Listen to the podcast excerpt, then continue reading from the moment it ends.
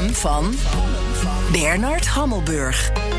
Dat het nou toevallig de querulanten van actiegroep Viruswaarheid moesten zijn die de avondklok onderuit haalden, is een bijna komisch detail.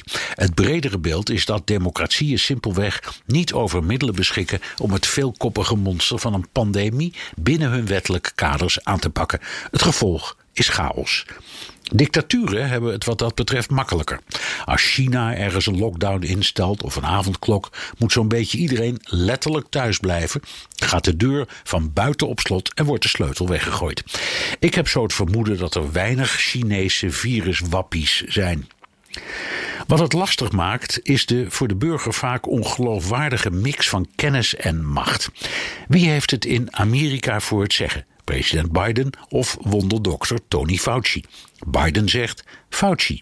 Maar die kun je onmogelijk verantwoordelijk stellen voor de aankoop en distributie van vaccins. Wie heeft het bij ons voor het zeggen? Team Rutte of team Van Dissel? Geen idee. Nog los van de Tweede Kamer, die van elk coronavoorstel zo ongeveer een hamerstuk maakt. En deze dagen doet denken aan de Russische Duma, die niets meer is dan een afstempelmachine voor de wensen van het Kremlin.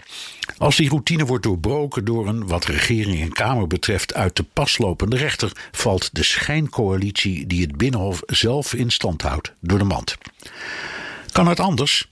Ik kijk even naar Israël, nog steeds wereldkampioen vaccineren en dus een interessant voorbeeld. Daar hebben ze een coronatsaar aangesteld, medisch hoogleraar, maar ook brigadegeneraal en oud-chef van het medische korps van de krijgsmacht. Dan moet het op rolletjes lopen, denk je, maar ook dat is een illusie. Hij stippelt heel verstandig routekaarten uit, maar valt dan onmiddellijk ten prooi aan ruziende ministers die er hun eigen draai aan geven. We hebben geen dictatuur, maar een keurige democratie en dus leven we momenteel in een chaos. Die houdt pas op als we eindelijk vaart gaan maken met vaccineren. En dat is waar de democratie blundert.